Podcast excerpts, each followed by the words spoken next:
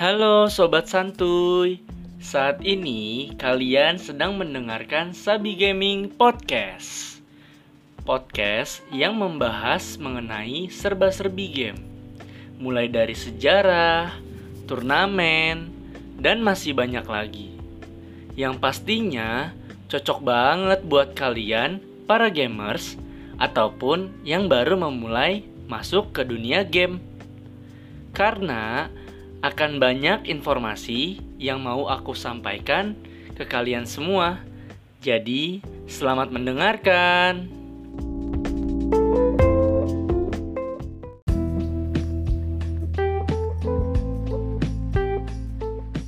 Yo, apa kabar sobat santuy? Semoga selalu dalam keadaan baik ya. Nah, selamat datang di Sabi Gaming Podcast bareng aku Azhar.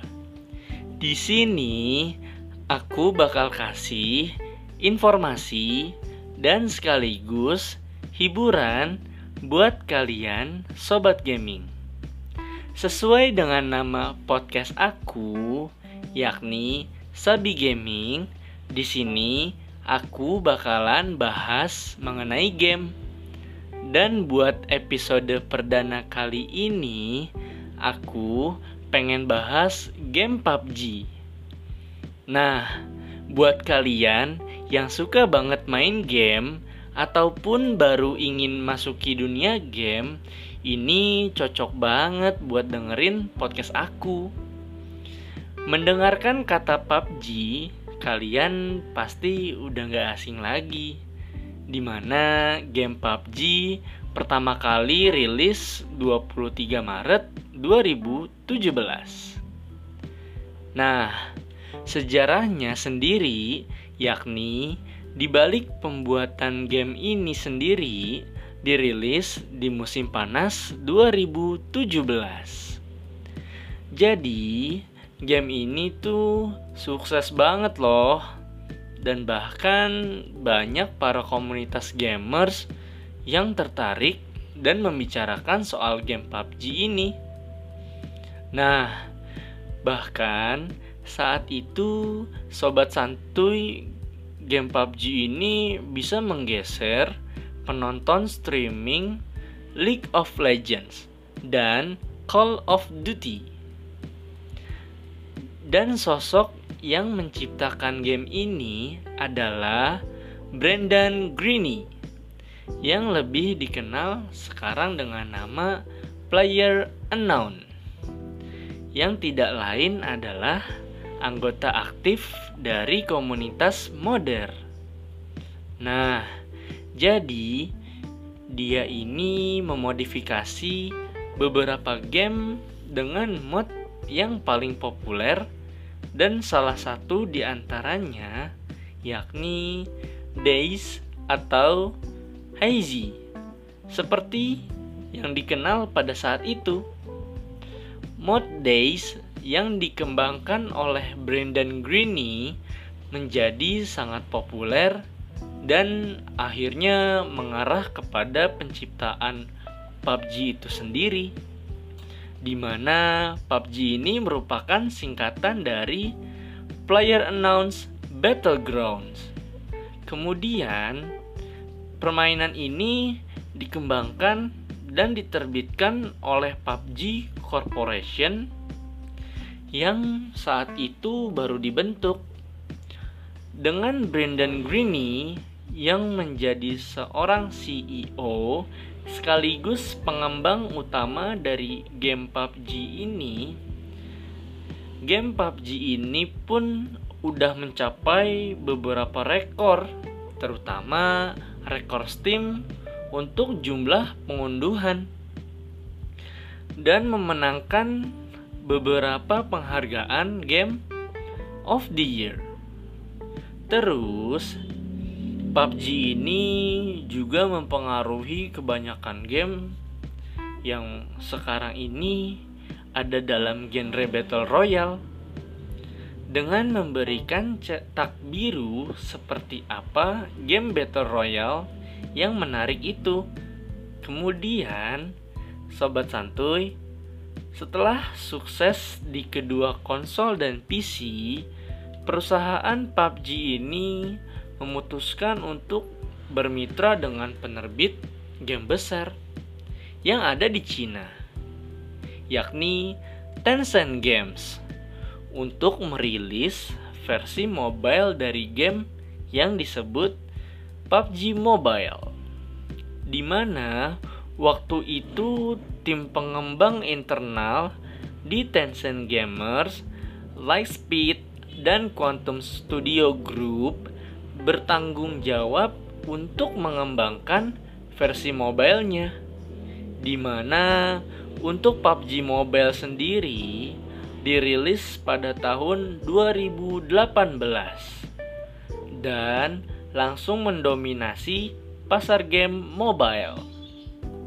Nah, saat itu juga berhasil memecahkan rekor Google Play Store untuk game yang diunduh dan masih memegang rekor sebagai basis pemain tertinggi di semua game mobile. Nah, dengan kehadiran game PUBG Mobile Season 13, tentu antusias para pemain PUBG ini semakin meningkat. Nah, terus nih sobat santuy, dalam dua tahun perilisan game PUBG ini tentunya nggak main-main ya pendapatannya di mana PUBG Mobile ini meraup keuntungan 21 triliun. Selang 2 tahun, game ini dirilis. Wow, suatu pencapaian yang besar banget tentunya. Jadi, ini tuh berdasarkan laporan dari Sensor Tower di mana pemasukan PUBG Mobile meningkat drastis dari kuartal kedua tahun 2018 dengan memperoleh pencapaian 20 juta US dollar ketika Royal Pass diluncurkan untuk pertama kalinya. Kemudian menjadi 496 juta US dollar. Memasuki kuartal ketiga pada tahun 2019. Jadi, saat ini PUBG Mobile sudah diunduh lebih dari 600 juta pemain di seluruh dunia. Di mana India menjadi negara yang paling banyak mengunduh PUBG Mobile dengan total 116 juta unduhan. Sedangkan Tiongkok menjadi negara kedua terbanyak dengan total 108 juta unduhan. Dan selanjutnya Amerika dengan unduhan terbanyak dengan total 42 juta unduhan. Jadi, PUBG Mobile meraih pendapatan lebih tinggi dari para kompetitornya. Contohnya, Knives Out yang populer di Jepang dengan pendapatan 915 juta US dollar. Semenjak dirilis, Fortnite Mobile mengantongi total 813 juta US dollar dari Apple App Store. Nah, itu dia sobat santuy yang pada penasaran berapa sih pendapatan buat game PUBG ini sendiri? Ternyata sangat fantastis banget sih. Tapi kalau aku pribadi sih sesuai ya. Karena mereka juga dari awal kan bikin game mungkin gak semudah kelihatannya ya.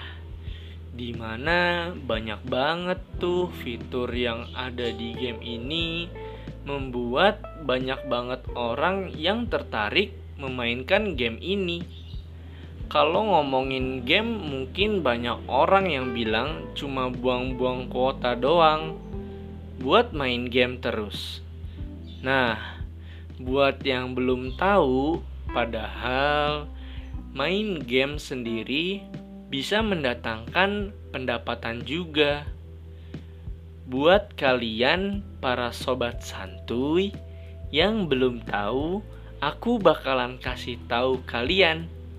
Nah, jadi kalian bukan hanya bisa jadiin main game itu sebagai hobi namun kalian bisa dapetin penghasilan juga.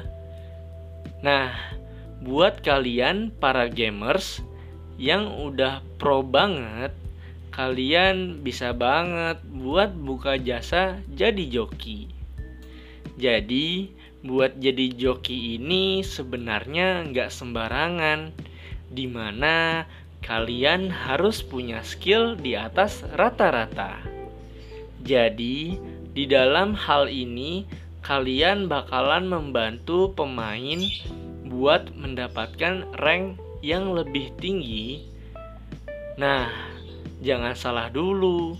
Sekarang banyak banget loh yang cari joki buat game PUBG Mobile ini. Terus, kalian juga bisa buat konten di YouTube.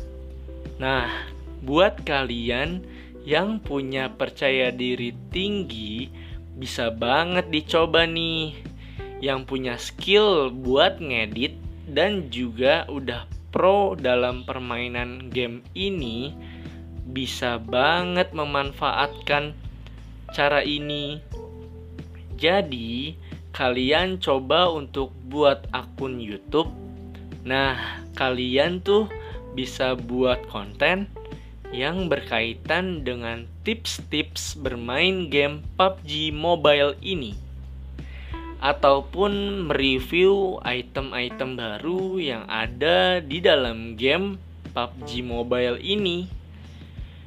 Video-video seperti itu sekarang banyak banget loh dicari sama orang-orang. Sebagai tambahan informasi, juga buat kalian nih sobat santuy. Jadi PUBG Mobile ini sudah menduduki peringkat 10 besar video game paling banyak ditonton di YouTube. Nah, kalian bisa banget nih buat coba membuat konten seperti itu di YouTube. Lumayan buat kalian yang punya banyak waktu luang sekalian bisa nambah uang jajan juga ya kan nah yang terakhir ini buat kalian yang emang suka banget main game ini kalian bisa jadi pemain profesional dan mengikuti turnamen jadi bukan cuma olahraga yang ada turnamennya game juga ada loh. Jadi, kalian bisa banget buat berkarir dan menjadi atlet profesional. Nah, kalian juga nggak perlu khawatir kalau atlet profesional itu harus bermain dalam organisasi e-sport besar. Jadi, kalian bisa banget buat mulai dari membuat squad tim yang aktif. Dan juga selalu pastikan squad tim yang kalian buat ikutan turnamen-turnamen PUBG Mobile yang ada. Biasanya juga banyak pihak swasta yang sering buat turnamen PUBG Mobile Walaupun turnamen skala kecil, namun hadiahnya terkadang gak main-main loh sobat santuy. Dan tentunya bisa jadiin hobi kalian semakin berkembang. Nah, aku juga mau kasih tahu soal salah satu turnamen yang pernah diadakan yakni turnamen PUBG Mobile yang digelar se-Asia. Nah, di mana pemenangnya sendiri adalah tim dari Indonesia. Wow, luar biasa banget. Jadi, ternyata Indonesia juga punya games yang keren abis pastinya.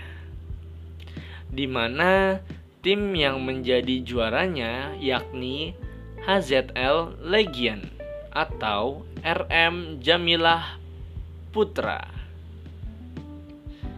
Jadi, dia berhasil memenangkan kompetisi game PUBG Mobile di ajang turnamen komunitas e-sport skala besar. Singtel PVP eSport Season 1 Tim ini berhasil memenangkan poin tertinggi dengan perolehan skor 59 poin. Setelah mendapatkan dua chicken dinner, selama sesi pertandingan berlangsung, alhasil nih sobat santuy, mereka unggul 10 poin dibandingkan pesaingnya yakni tim XO Motor dari Filipina dan Devilish Gaming dari Singapura. Nah, Waktu diwawancara juga HZL Legion mengaku mereka hanya memiliki waktu tiga hari persiapan sebelum menghadapi babak grand final. Karena tim mereka ini memiliki kesibukan masing-masing, walaupun waktu persiapannya singkat, namun hasilnya luar biasa banget bahkan mengharumkan nama Indonesia di dunia e-sport ini. Turnamen e-sport Singtel PVP e-sport season 1 sendiri sudah mencapai puncaknya.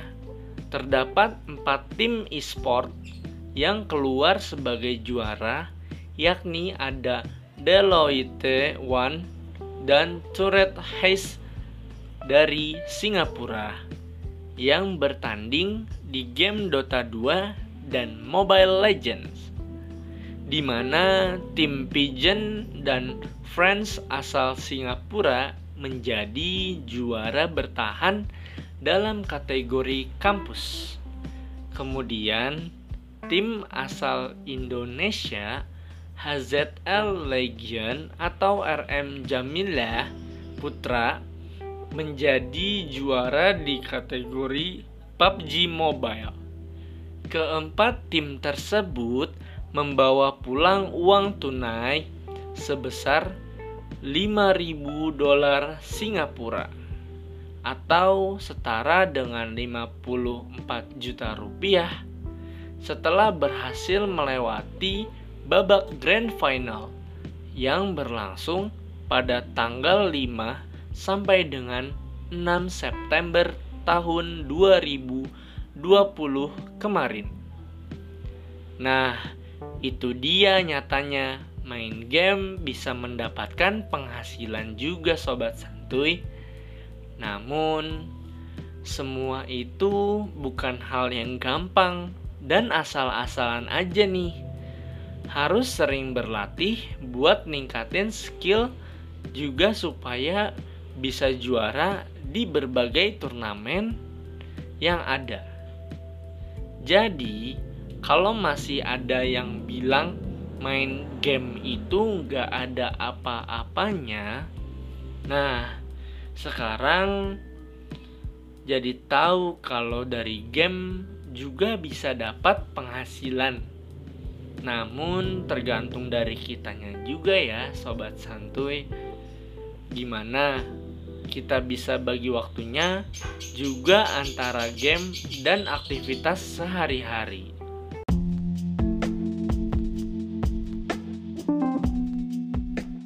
Nah, itu dia yang bisa aku sampaikan ke kalian dalam podcast perdana aku di Sabi Gaming Podcast.